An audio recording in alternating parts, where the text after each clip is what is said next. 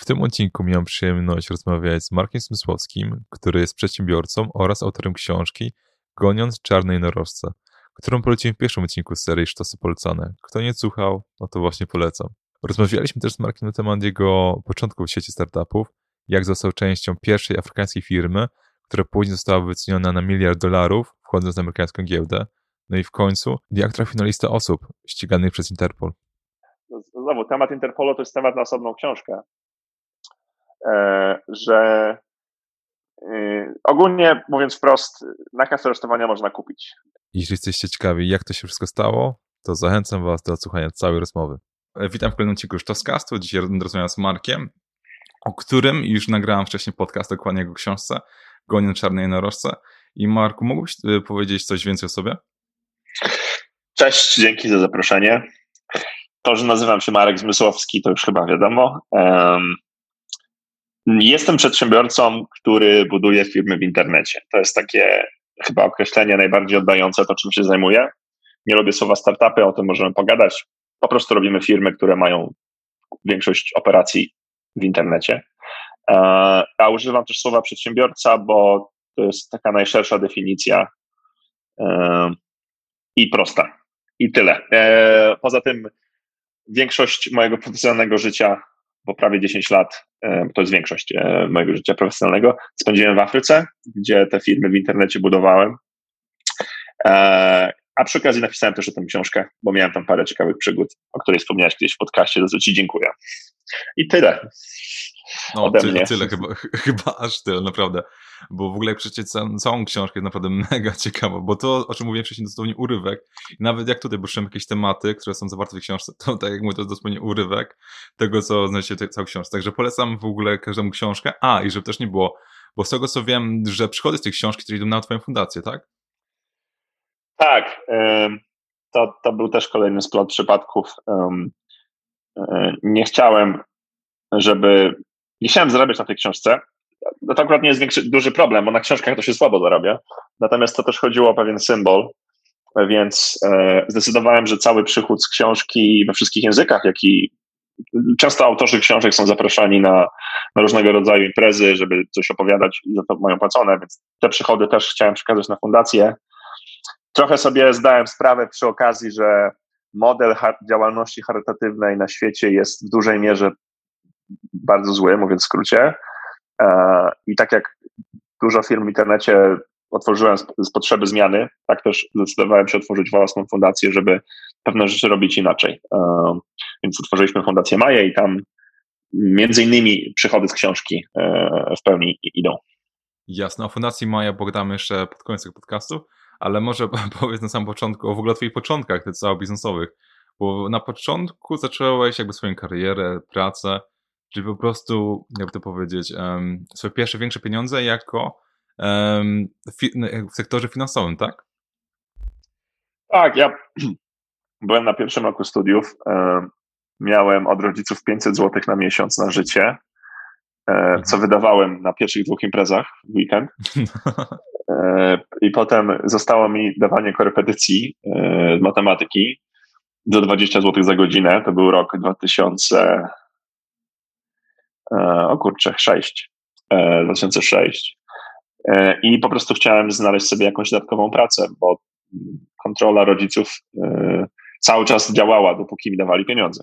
I tak się zdarzyło, że mój kolega powiedział mi, że pracuje w tak zwanym doradztwie finansowym, tak to nazwał. To się potem okazało bardziej akwizycją i sprzedażą produktów finansowych pod tytułem fundusze inwestycyjne, ubezpieczenia, kredyty ale było bardzo dobrze płatne. I ja nie, wiedza, nie wiedząc za bardzo, z czym to się je i, i wiąże, po prostu poszedłem na rozmowę kwalifikacyjną, bo chciałem zarabiać tyle, ile mój kolega zarabiał. I tak się moja przygoda z finansami e, zaczęła i trwała też przez e, 4 lata, zanim poszedłem w te tak zwane startupy.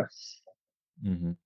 A rozumiem, bo też praca jakby tej firmie pomagała ci, no się pomogła ci nauczyć się, jaki mieć kontakt z klientami i jak generalnie poruszać się w no, tym zakresie, bo Rozumiem, że żeby być dobrym przedsiębiorcą, też trzeba dobrze przekonywać ludzi do swoich pomysłów. I rozumiem, że ta praca też ci pomogła, bo no, swoje klienty przekonywałeś wiesz, do tych wszystkich umów i tak dalej, więc na pewno ci na, no, pomogło na samym początku.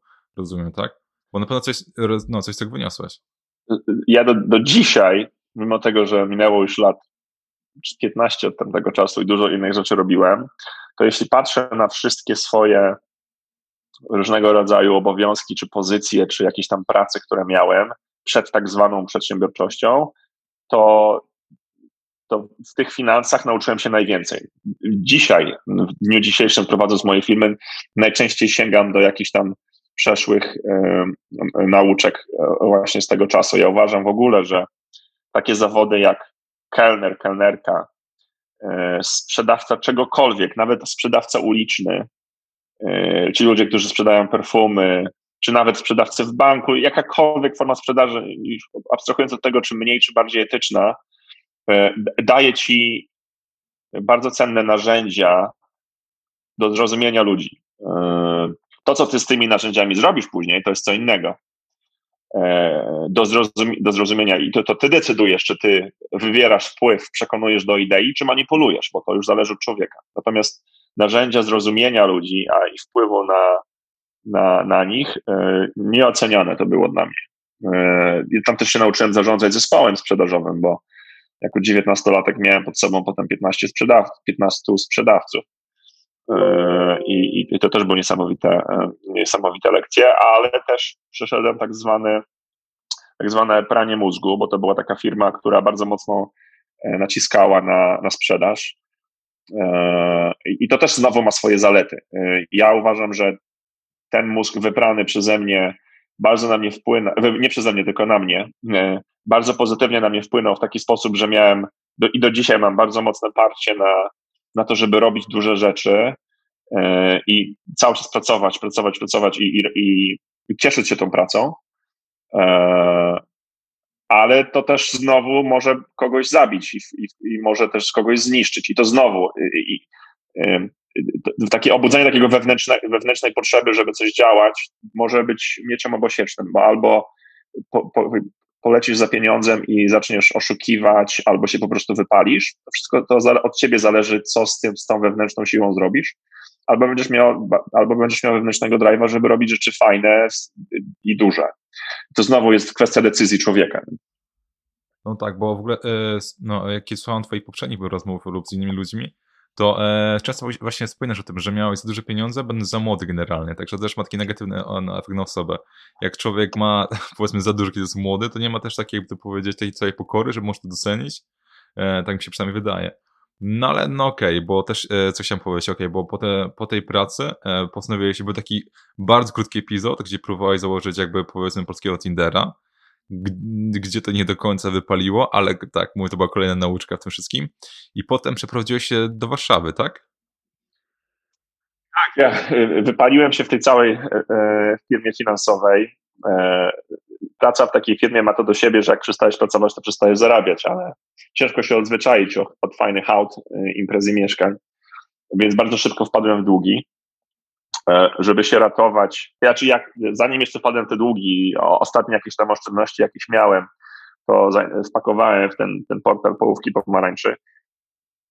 To też jakby osobny rozdział w książce o tym, ile tam błędów popełniłem, ale, ale wtedy się zakochałem już po, powoli w, e, w startupach, ale w międzyczasie straciłem wszystkie swoje pieniądze i zostałem wykopany z mieszkania, które wynajmowałem, bo nie, nie zapłaciłem za czynsz, a moje auto, które miałem wtedy w leasingu, E, też zostało zabrane e, lawetą. Więc e, podjąłem decyzję ze swoim kolegą, który też wtedy był na podobnej ścieżce życiowej, bo też pracował w tej samej firmie i, i, i też trochę się najpierw miał wodę sodową w głowie i my razem weszliśmy na szczyt tak zwany i potem spadliśmy. Za chyba pożyczone pieniądze od jego mamy. Wynajęliśmy samochód, pamiętam, na jeden dzień, spakowa spakowaliśmy się w ten jeden samochód, to był jakiś Ford Fusion, pamiętam, i, i przyjechaliśmy do Warszawy, E, i, i nocowaliśmy przez pierwsze kilka nocy u mojego kole, kolejnego kolegi, a ja pamiętam, wydrukowałem 200 cv i, i roznosiłem je do wszystkich knajp na Nowym Świecie, żeby dostać jakąś pracę jako barman.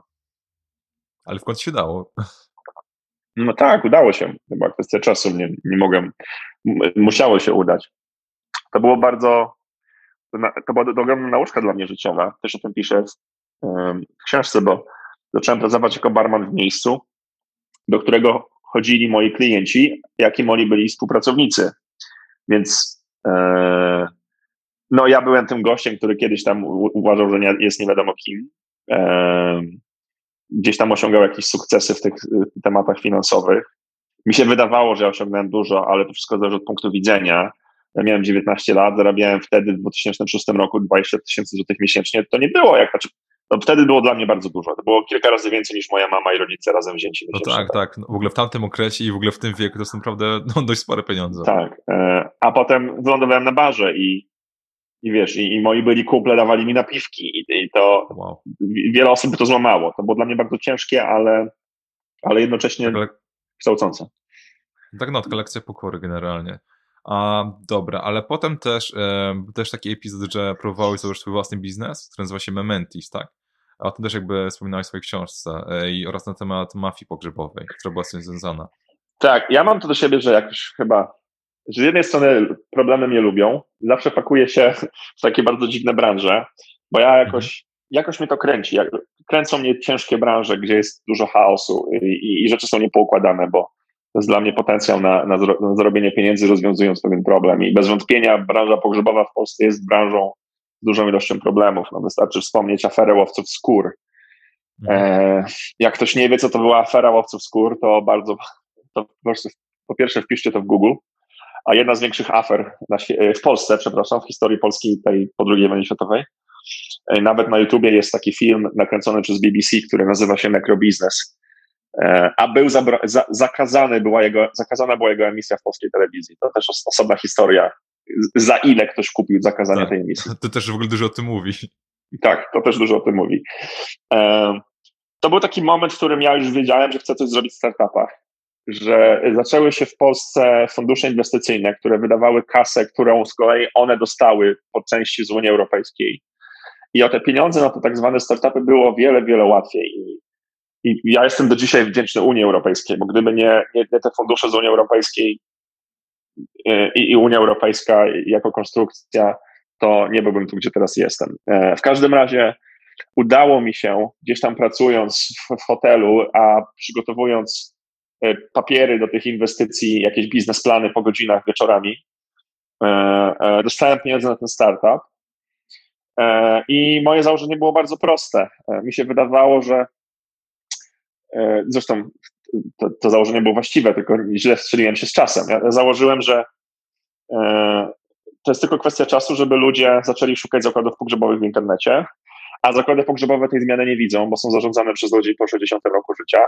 I coraz więcej będzie ludzi pytających o zakład pogrzebowy w Google, a nie ma nikogo, kto się na te zapytania wyświetla. E, I, I to było akurat założenie właściwe, bo bardzo tanio było wyświetlić się wtedy w Google i zdobyć klienta. Tylko, że ja nie byłem zakładem pogrzebowym, więc sobie wymyśliłem, że zrobię taki booking, tylko że dla zakładów pogrzebowych, taki booking.com. Też podróż, tylko w jedną stronę, prawda? No, e, no, tak powiedzmy. Tak. I, i, i to, był, to był taki fajny koncept, bo dla mnie była to forma e, jakiejś tam rewolucji w tej branży dzięki nowej technologii. No, Facebook rewolucjonizował sposób relacji międzyludzkiej, a rewolucjonizowałem sposób załatwiania pogrzebu i to też też mnie cieszyło, jeśli mogę w ogóle użyć takiego słowa w tym kontekście. E, ale z drugiej strony byłem też takim e, kozłem ofiarnym to jest złe słowo, ale królikiem doświadczalnym dla rodzącej się branży internetowej w Polsce, bo ja, i, i regulacji, które nie nadążały za tą branżą. najgorzej. No tak, tak. Ci w ogóle, co jakby wchodzą w tą branżę właśnie mają najgorzej, bo mają te, w ogóle te wielkie, no, te pierwsze bariery że ktoś musi jakby, no, tą ścieżkę przeszczeć, tak, no, tak, no, tak powiem. Tak, w moim przypadku z tych najśmieszniejszych, czy tam najbardziej strasznych, wtedy były straszne, teraz śmieszne historii, było to, że e, moja konkurencja nasłała na mnie Urząd Ochrony Konkurencji i Konsumentów, mhm. Konsumentów i Konkurencji, nie, nie pamiętam. I pamiętam, że musiałem się tłumaczyć, jakim prawem ja wyświetlam swoją reklamę w Google na frazę zakład pogrzebowy, skoro ja nie mam zakładu pogrzebowego. To trochę tak jakbyś teraz, tak jakbyś teraz się pytał Bookingu, dlaczego mają stronę z hotelami, skoro nie mają własnego hotelu, albo Ubera, dlaczego, skoro nie mają własnego samochodu. e, no Więc rozumiem, co za mentalność. No, to były takie przygody, tak? No tak, tak. Ale też w ogóle tych książek pamiętam, że powiedziałeś, jakby właśnie rozdział na temat Mentis, to było na temat, przepraszam, na temat biznesu pogrzebowego, e, to właśnie było tak, że sam musiał odbierać telefon, no nie wiem, o drugiej w nocy czy coś takiego, jeździł w ogóle po całym kraju, próbować jakby ludzi, którzy prowadzą te zakłady pogrzebowe, żeby z sobą współpracowali, to po prostu była ciężka praca generalnie. I też na pewno wiem, że z tego dużo wyniosłeś. E, I właśnie, e, bo biorąc pod uwagę to, jak, jaką ciężką branżę, jaki w ogóle ciężki biznes wziąłeś, żeby, żeby za to się w ogóle zabrać, to też w dużej mierze pomogło Ci w kolejnym etapie jakby tego rozwoju czy kariery, kiedy aplikowałeś do Rocket Internet, tak? Do tego funduszu z Niemiec. Tak. To był taki moment, w którym ja trochę sobie zdałem sprawę, że uderzam głową w mur, że gdzieś tam nie mogę rozwinąć tego swojego startupu. Przyczyn tego było wiele. Ja byłem słabym menadżerem, słabym przedsiębiorcą, byłem jeszcze młodym gówniarzem i masę błędów jeszcze do popełnienia, do popełnienia była przede mną. Może też nie do końca wybrałem najlepszy, najlepszy czas z tym swoim startupem e, i tak dalej. Powody było wiele. W każdym razie zacząłem się znowu dusić. W tak zwanym międzyczasie też, no wiadomo, jak jesteś w tych tak zwanych startupach, to siłą rzeczy bardzo dużo czytasz o tym, co się dzieje w Dolinie Krzemowej. Mhm. I tak, jak, tak samo jak, jak jako gówniarz oglądałem MTV i tam marzyłem o tym, że kiedyś sobie będę żył w Kalifornii i jeździł Harley'em po Venice Beach, no. Tak teraz gdzieś tam te, te, te, te skloty powróciły i chciałem być tym takim drugim, może nie tyle Markiem Zuckerbergiem, ale chciałem być tym hipsterem, który pracuje sobie w Starbucksie, pije sojową latę, klepie coś na MacBooku i zarabia na tym miliony, bo takich ludzi było tam już tysiące. Więc e, zdecydowałem, że porzucę ten swój startup, bo sprzedałem, sprzedałem swoje udziały, od, od, odkupił je ode mnie mój wspólnik. E, I ja trochę zacznę od nowa, e, e, pracując dla funduszu inwestycyjnego, który, który jest takim trochę Amazonem Europy, że tak powiem. Znaczy on zbudował Amazon Europy, bo zbudował Zalando. I praca dla nich jest niesamowicie wartościowa, bo też możesz się bardzo dużo nauczyć. No, jakbyś chciał jeździć dobrze samochodem, to pewnie będziesz zawsze marzył o tym, żeby ścigać się w zespole fabrycznym Ferrari. A jeśli, no tak, chcesz, być, tak. Jeśli chcesz być przedsiębiorcą internetowym, to, to każdy chciałby choć współpracować przez rok albo dwa w tej firmie Rocket Internet, bo ona dużo może cię nauczyć i zdecydowałem zaryzykować, wysłałem maila. I znowu nie wiem, jak to się stało, czy, czy miałem więcej szczęścia czy rozumu, e, gdzieś tam ktoś to moje CV zauważył.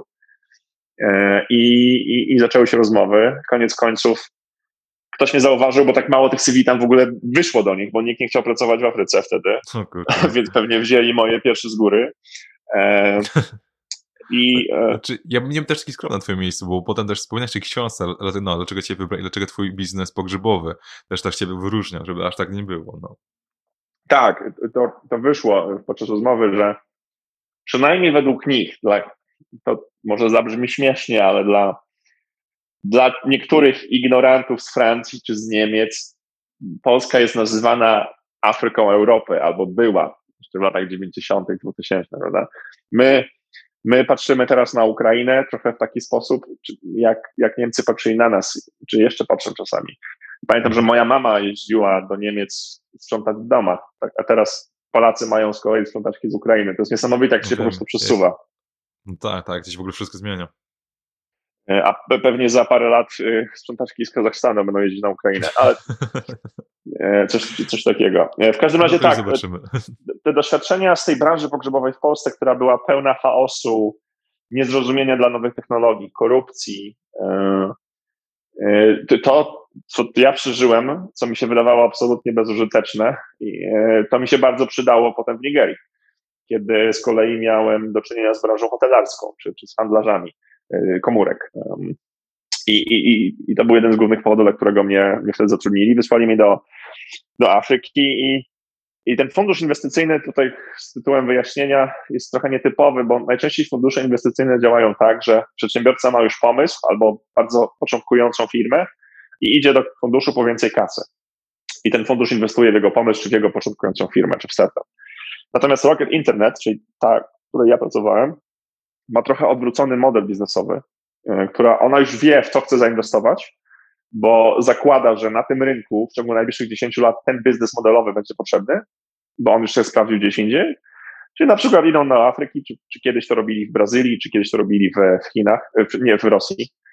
E, bo skoro coś osiągnęło sukces w Stanach, to pewnie też koniec końców do, tej, do tego rynku pójdzie. W każdym Czyli razie. Taki, taki trochę tak? kopi w klej, powiedzmy, tak? Kopiuj w klej, jeśli chodzi o model biznesowy, zdecydowanie tak, bo wszystko inne poza modelem biznesowym trzeba wymyślać na nowo. E, zasady działania operacji, koszty, e, sposób pozyskiwania klientów i tak dalej, i tak. Ale model biznesowy bez wątpienia tak, jest, jest skopiowany.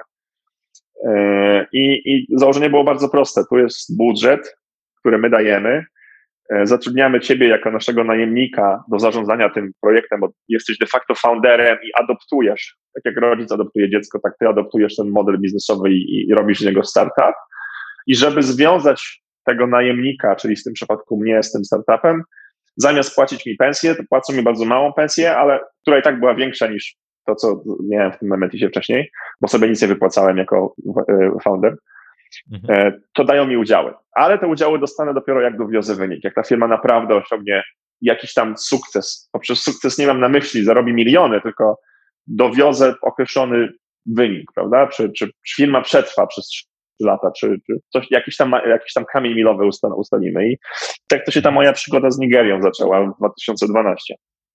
I też właśnie chciałem Cię zapytać, to był w ogóle twój pierwszy raz w Afryce, rozumiem, tak? Pierwszy taki e, jakby czarny Afryce, jakby czarny ląd. Już nie mówimy o Maroko, tak na północy Afryki, tylko mówimy tu, wiesz, jakby, no, o takiej prawdziwej Afryce, no, której każdy jak sobie no, ją wyobraża.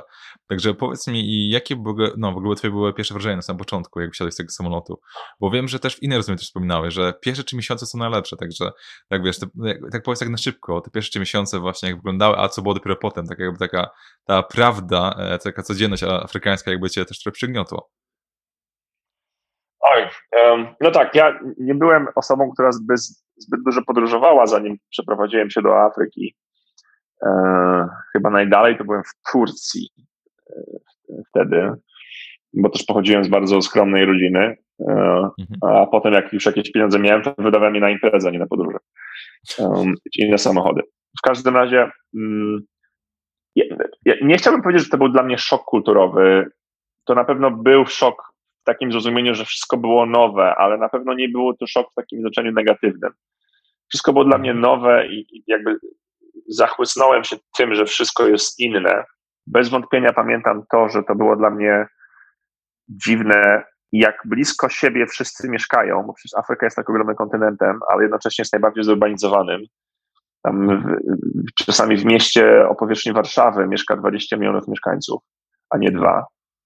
Yy, jak, jak wszyscy blisko siebie są, jak, jak już mniejszy jest koncept e, przestrzeni własnej, na przykład patrząc na to, jak ludzie blisko siebie jadą w windzie, prawda, albo jak blisko, mhm. blisko auta się mijają, czy piesi, e, to to pamiętam było bardzo takie, i trochę nawet irytujące, bo to jakby ty jesteś przyzwyczajony, że ktoś nie stoi ciebie tak blisko, a jeśli ktoś stoi no, no. ciebie blisko, to tak narusza twoją prywatną przestrzeń i to jest takie dziwne, a dla nich to było co innego.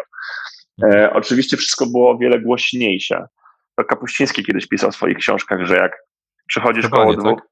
Chyba tak, mhm. koło dwóch Nigeryjczyków i wydaje ci się, że skaczą sobie do gardeł i zaraz jeden wyciągnie nóż, oni pewnie rozmawiają o pogodzie. No, tak, tak.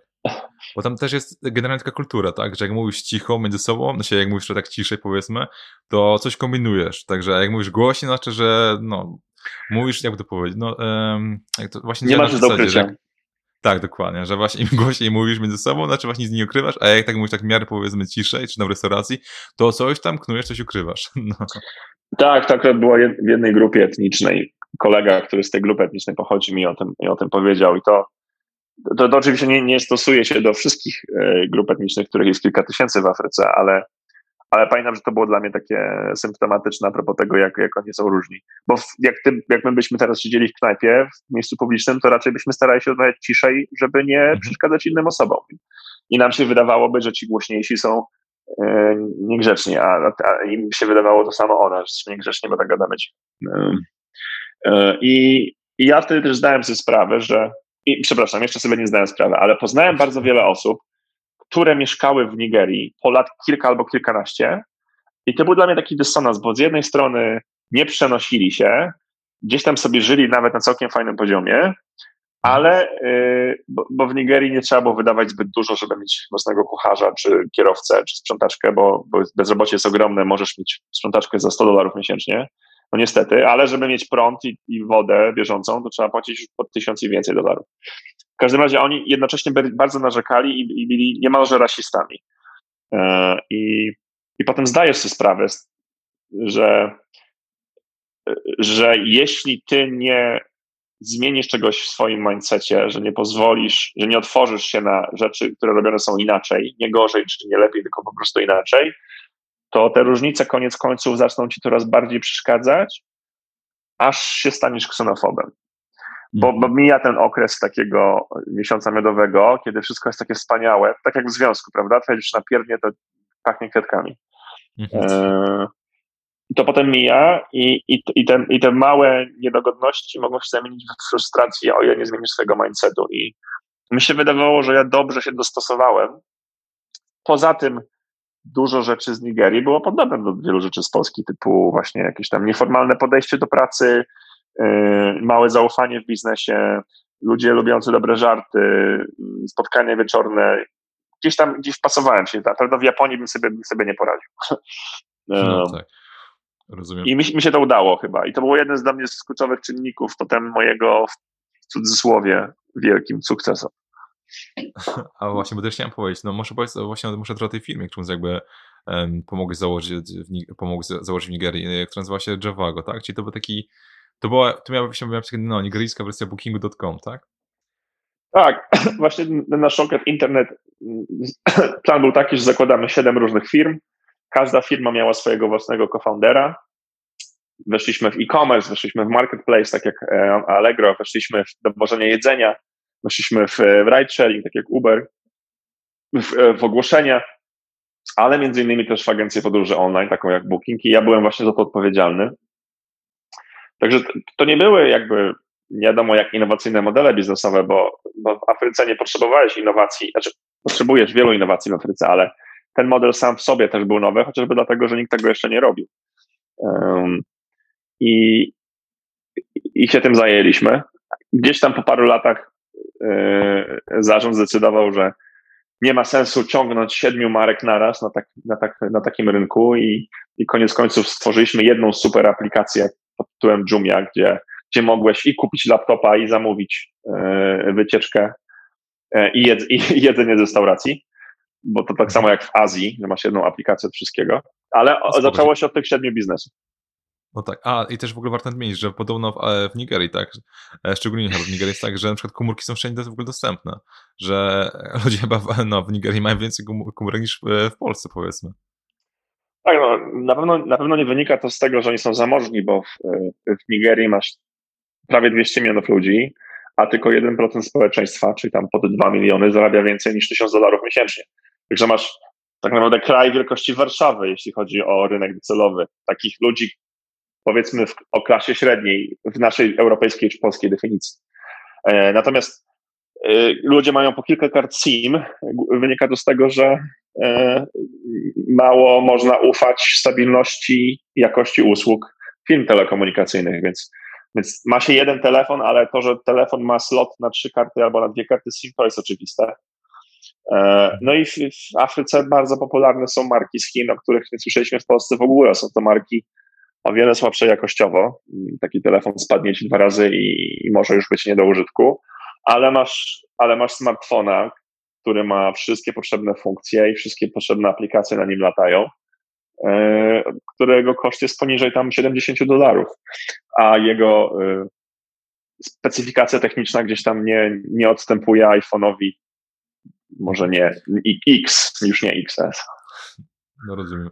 Ale też jedno, co, e, o czym w ogóle wspomniałeś w książce, to jak spotkałeś kogoś, powiedzmy, z tych nowobogackich w Nigerii, to jest naprawdę masakryczny w ogóle przeskok, bo właśnie masz w Nigerii, e, gdzie dość, no, dość spora, spora część populacji jakby żyje na granicy ubóstwa lub w ubóstwie lub po prostu no, mają ciężkie życie, a potem masz taki właśnie nowobogacki Nigeryjczyków, którzy po prostu mają, no wiesz, mają po parę fajnych aut, mają Lamborghini, czy mają jakieś droższe auto albo coś takiego, to jest po prostu duży przeskok e, w tym momencie. I właśnie, i też opis, właśnie opisywałeś tą książkę, miałeś jakiegoś znajomego, że byłeś w nim klubie i w ogóle widziałeś, jak ten, jak ten świat wygląda od środka. Tak, tylko e, jak potem zacząłem podróżować dużo po świecie, e, to ja sobie zdałem sprawę, że to nie, nie jest nietypowe dla Nigerii to Nigeria taka jest, to tylko to Polska jest tak niesamowicie równym krajem. Jeśli nam się wydaje, że w Polsce są nierówności społeczne, to my nie mamy żadnego pojęcia o tym, jak to wygląda na świecie, bo Polska przeszła przez okres bardzo hardkorowego wyrównywania nierówności. Prawda? Najpierw mieliśmy wybicie naszych elit podczas II wojny światowej. No najpierw to były rozbiory, potem wybicie elit, które było kluczowe, no tak, tak. a potem mieliśmy kilka dekad komunizmu i, i, skończyliśmy na tym, że nauczyciel, profesor, doktor e, zarabiał tyle samo co taksówkarz, a ani, ani niejednokrotnie taksówkarz zarabiał więcej. E, a w, w takich krajach jak Nigeria, Niemcy, Hiszpania, Brazylia, majątki akumulują się od setek lat. E, I, i, i w Indiach te nierówności klasowe są, są, są bardzo silne. No niemalże przypominające niewolnictwo. E, to, to na całym świecie jest tak, że bogaci są bardzo bogaci, a, a biedni są bardzo biedniejsi i nie do końca tym bogatym zawsze zależy na tym, żeby te nierówności szybko wyrównać, bo oni korzystają trochę ze statusu quo. E, ja sobie zdałem sprawę później też, że to nie jest typowe tylko i wyłącznie dla, e, dla Nigerii. Natomiast bez wątpienia Nigeria ma niesamowite nierówności społeczne, gdzie masz kilkanaście rodzin, e, które kontrolują w zasadzie całą ekonomię. E, to jest taki model oligarchiczny, który my pewnie znamy, trochę znamy z Rosji czy z Ukrainy, ale on jest naprawdę widoczny w Afryce, na Bliskim Wschodzie, w Ameryce Południowej. Mhm, rozumiem. A bo też e, wspomniałeś też w swojej książce na temat, e, kiedy wybuchała w ogóle epidemia eboli w, w Afryce. I to było najśmieszniejsze, najśmieszniejsze było to, że właśnie odsłuchiwałem audiobooka w trakcie, to było właśnie było lato 2020, kiedy jakby no cały czas jakby do tej pory w sumie się dzieje ta pandemia, ale jeszcze jak w lato jakby była ta większa panika związana z koronawirusem, to odsłuchuję na temat tego, jak ty wiesz, jak mówisz, że każdy panikuje, wiesz, Afryce każdy stara się mieć ręce i tak dalej, um, to w ogóle było dość śmieszne, takie w ogóle te, um, dużo właśnie było podobnych rzeczy, jak wybuchła epidemia e, eboli i jak no, wybuchła epidemia na koronawirusu teraz. E, to powiedz mi, jak wybuchła no, pandemia koronawirusu teraz, to byłeś taki bardziej spokojniejszy, bo drugi raz prowadziłeś to samo, czy jak to ci wyglądało? Nie, byłem o wiele. Znaczy, podczas eboli byłem naprawdę przerażony, bo to jest y, choroba, która w zasadzie e, e, zabija prawie każdego. E, I, i, I wtedy po raz pierwszy ebola się dostała do miasta. Dotychczas ebola zawsze mówiło się o eboli w ten sposób, że ebola zabija za szybko, żeby mogła się rozprzestrzenić. Plus, plus ogniska eboli zawsze były gdzieś tam w wioskach. Więc nie było za wielu ludzi, nie podróżowali samolotami i tak dalej. A to był pierwszy moment, kiedy Ebola trafiła do Lagos, które, tak jak Ci mówiłem, ludzie bardzo dużo, bardzo blisko siebie mhm. mieszkają i wszyscy się bali. I, i nie, żebym z siebie, z siebie robił bohatera, bo to nie, na pewno nie miałem zderzenia z bycia bohaterem, ale już wielu moich kolegów z Europy wy, wyleciało tam samolotami, które nam organizowały firmy, a ja byłem jednym z tych ostatnich, którzy zostali. Ale naprawdę, mówiąc tutaj brzydko, srałem w gacie. E, Natomiast, natomiast, tak, natomiast trochę tak nomen omen, bo to jest jeden z, z, z symptomów eboli.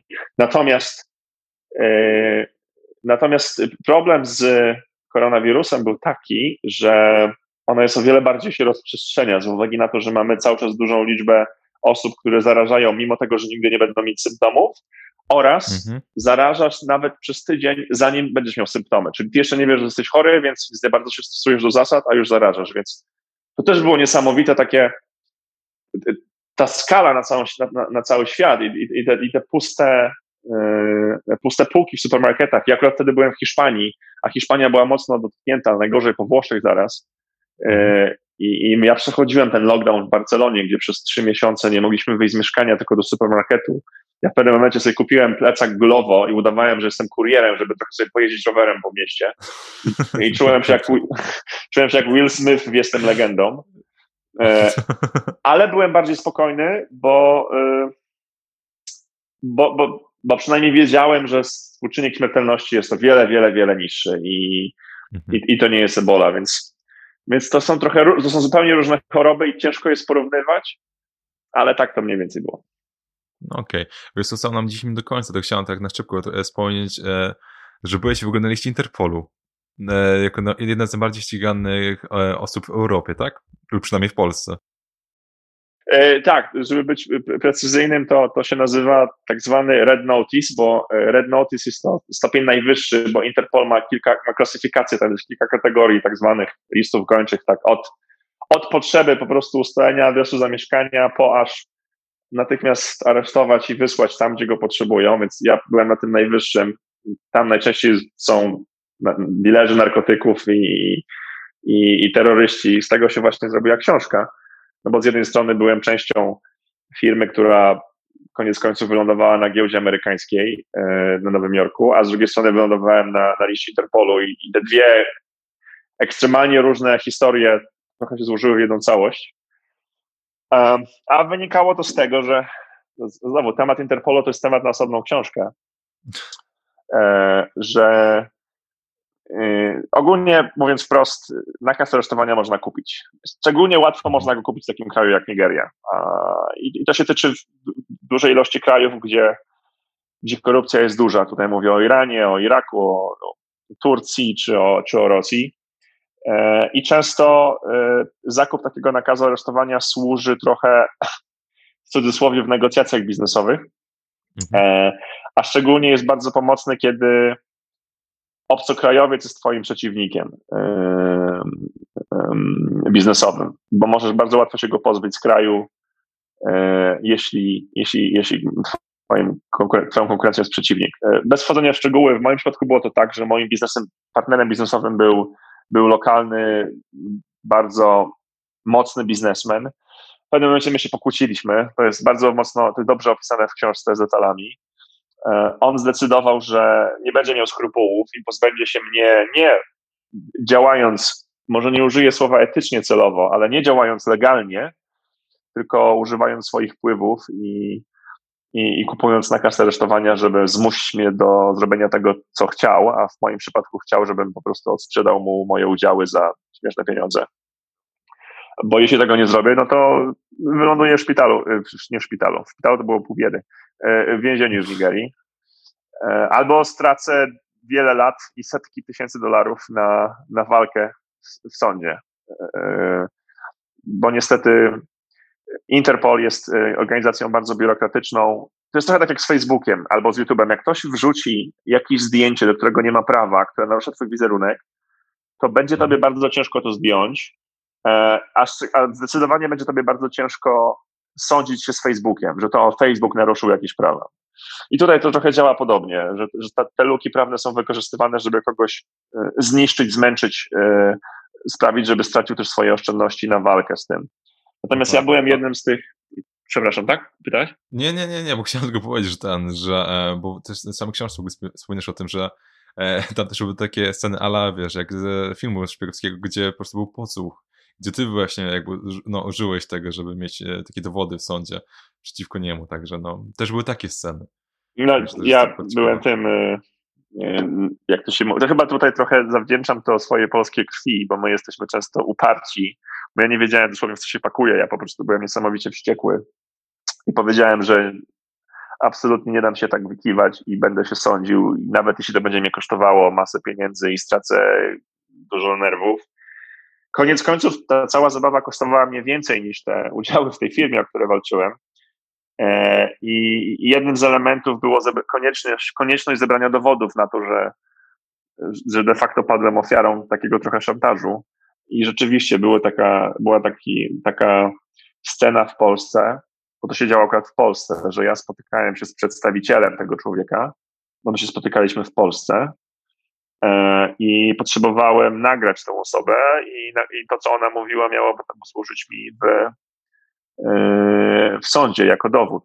E, I rzeczywiście miałem wtedy chyba na sobie trzy mikrofony różne, żeby mhm zdywersyfikować ryzyko. Jeden mikrofon był pod koszulą, to był, to był taki przyczepiony do skóry, jeden był w długopisie, a, jak mówię.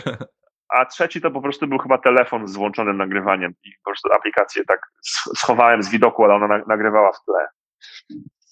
Było kluczowe i to było kluczowe w tej całej sprawie, ale też nie chcę oddawać dużo z książki.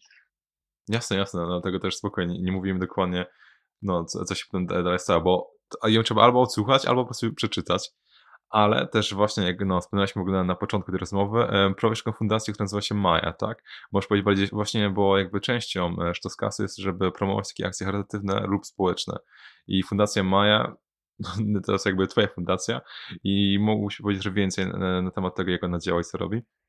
Tak, w ogromnym skrócie. Ja się zabrałem za temat fundacji, bo chciałem wybrać fundację, której miałbym przedawać kasę, mówiąc wprost. I zacząłem analizować. Chciałem, żeby to była fundacja z Afryce, w Afryce, bo na tym kontynencie spędziłem, tak jak mówiłem wcześniej, dużo czasu i jestem w nim zakochany i tak dalej, i tak dalej. Tylko jak zacząłem analizować temat fundacji, bo trochę do niego podszedłem jak inwestor, chcę zrozumieć, jak one działają, jaki mają pozytywny efekt krótkofalowy, długofalowy i czy to wszystko ma sens. I ja się trochę przeraziłem e, jako outsider, jak zrozumiałem, jak to wszystko działa. Mówiąc wprost, model działania fundacji charytatywnych, szczególnie tych dużych, świetnie się sprawdza, jak trzeba pomóc jakiemuś krajowi po trzęsieniu ziemi, ale na pewno nie sprawdza się w ogóle, jeśli chodzi o takie strukturalne wyciągnięcie kraju z ubóstwa. To nie, to nie działa. Gdyby to działało, to Afryka już byłaby najbogatszym regionem na świecie, biorąc pod uwagę, ile tam kasy zostało wpakowane. I, i ja sobie wymyśliłem, że te parę rzeczy w tej fundacji zrobię zupełnie inaczej i to nawet jest napisane w tym manifestie na stronie fundacji. Natomiast chodziło o to, że zamiast pomagać dużej grupie osób, pomagamy bardzo wąskiej grupie osób, ale pomagamy im tak długo, jak trzeba, żeby one w końcu stały się finansowo niezależne, musimy podjąć bardzo bolesną decyzję a propos tego, komu pomóc. I pomagamy tylko tym osobom, które mają największą szansę sukcesu w życiu. Tutaj wzięliśmy e, pod uwagę dobre oceny, załóżmy z matematyki, e, a też wymyśliłem sobie, że chcę trochę, ja to nazywam redystrybucja szczęścia w życiu, bo ja się urodziłem, mama nauczycielka, tata żołnierz, może bardzo skromne początki, ale nigdy nie chodziłem głodny. To teraz chodzę częściej głodny, jak jestem na diecie, niż jak byłem dzieckiem. E, I chciałem pomagać ludziom, którzy, mm, jak patrzymy na to, co się może w życiu udać albo nie udać, na co nie masz wpływu, to im się nic nie udało. I to nie jest ich wina, bo tam się urodzili. Czyli geografia, nie wiem, ktoś, rodzice nie żyją i tak dalej, i tak dalej. No i wyszła nam taka wioska w Nigerii, tam gdzie jest Boko Haram, gdzie jest bardzo radykalny islam. Pomagamy dziewczynkom, które nie mają rodziców. E, więc one naprawdę, naprawdę mają przestrzane na wszystkich etapach w życiu i bardzo ciężko im będzie osiągnąć cokolwiek bez, pomocy z zewnątrz, bo mają na starcie już bardzo przechlapane i mhm. chcemy im pomagać. I, no i zaczęło się od znalezienia szkoły, tam zbudowaliśmy najpierw szkołę, teraz ją wyposażamy w, e, w meble, bo to jest praca od podstaw. Wcześniej tam te dziewczynki normalnie się uczyły na ziemi pod, pod, pod drzewem, a w dalszej kolejności będziemy sponsorować stypendia i liczymy na to, że koniec końców e, skończą studia, e, zaczną zarabiać i być może będą na tyle wdzięczne, że, że teraz one przejmą schedę i zaczną coś robić na potrzeby swojego e, regionu, bo my jesteśmy tylko ludźmi z zewnątrz i na pewno wiele rzeczy robimy źle, bo nie jesteśmy stamtąd. Ale jak oni wrócą, to oni będą wiedzieć, jak to zrobić lepiej. I to tak mniej więcej jest koncepcja tej fundacji. Dobra. I z tego też co kojarzę, to jest tak, że można was znaleźć, jak wpisując w ogóle Maya e, Foundation w Google i to jest tak, że można to zasponsor, zasponsorować, żeby coś napisać na, na biurku do szkół, coś takiego, popraw mnie jak, jak się mylę, coś takiego istnieje, tak? Tak, znaczy na samym początku moim założeniem było nie zbierać pieniędzy z zewnątrz, bo często fundacje stają się niewolnikami tych, którzy płacą fundacji i skupiają mhm. się na realizowaniu celów krótkofalowych zamiast długofalowych. E, mm, więc tak naprawdę moim celem nie jest zbieranie kasy na fundację, ale namawianie innych do tego, żeby robić coś na, na swoją rękę i też pomagać. Natomiast rzeczywiście otworzyliśmy teraz taki jeden projekt, e, e, bo uznałem, że to jest ciekawe. Kupujemy teraz ławki do tej szkoły, które się mm, wykonywane są na miejscu przez lokalnych rzemieślników po to, żeby wspierać lokalną ekonomię. I tych ławek, kupujemy teraz 100, E, i każda, można zasponsorować taką ławkę i każda ławka, jak ją zasponsorujesz, koszt jest 49 dolarów, jeśli dobrze pamiętam, to na tej ławce będzie wygrawerowane, czy tam napisane to, co ty chcesz, żeby zostało napisane. I w większości przypadków ci, którzy sponsorują te ławki, proszą o jakiś fajny cytat motywujący dla tych dzieciaków. Albo, o, albo po prostu swoje nazwisko, albo imię firmy. Bo uznałem, że wiele osób chciałoby coś takiego mieć, więc ja wtedy kasę z mebli mogę wykorzystać na coś innego, bo tam jest to, ta szkoła, to jest studnia bez dna, a to się fajnie tak sprawdziło, już prawie połowę tych ławek mamy wykupionych, a to dopiero zaczęliśmy tydzień temu, także to fajnie lata. Mhm. O, to super, naprawdę. No dobra, Marku, bo już tak rozmawiałem dość długo. E, chciałem Ci w ogóle podziękować za tę rozmowę, bo naprawdę było mega ciekawe, ale muszę powiedzieć, że to jest naprawdę nic w porównaniu do książki, także jeśli mm, ciekawy jest, Jasne. Jeśli naprawdę zaciekawiła Was ta rozmowa, to naprawdę polecam książkę Goniąc czarnej norożce. Możecie ją znaleźć e, Have an Audible, mają audiobooki, w Empiku można znaleźć no, książkę fizyczną, także na Audiotece też mają polską wersję audiobooka, także tą książkę łatwo znaleźć, naprawdę polecam każdemu w formie właśnie audiobooka czy fizycznej. I no tak, dzięki Wam e, za przesłuchanie i też dziękuję Tobie, Marko, że się zgodziłeś na, na tę rozmowę. Dzięki bardzo jeszcze raz, powodzenia z podcastem. Dzięki. Jeszcze parę słów na koniec. Link do fundacji Marka znajdziecie w opisie podcastu i jeśli chcecie być na bieżąco z najnowszymi odcinkami, to nie zapomnijcie zaobserwować konto Sztoskas na Instagramie. I tak jak zawsze, bądźcie zdrów i do usłyszenia.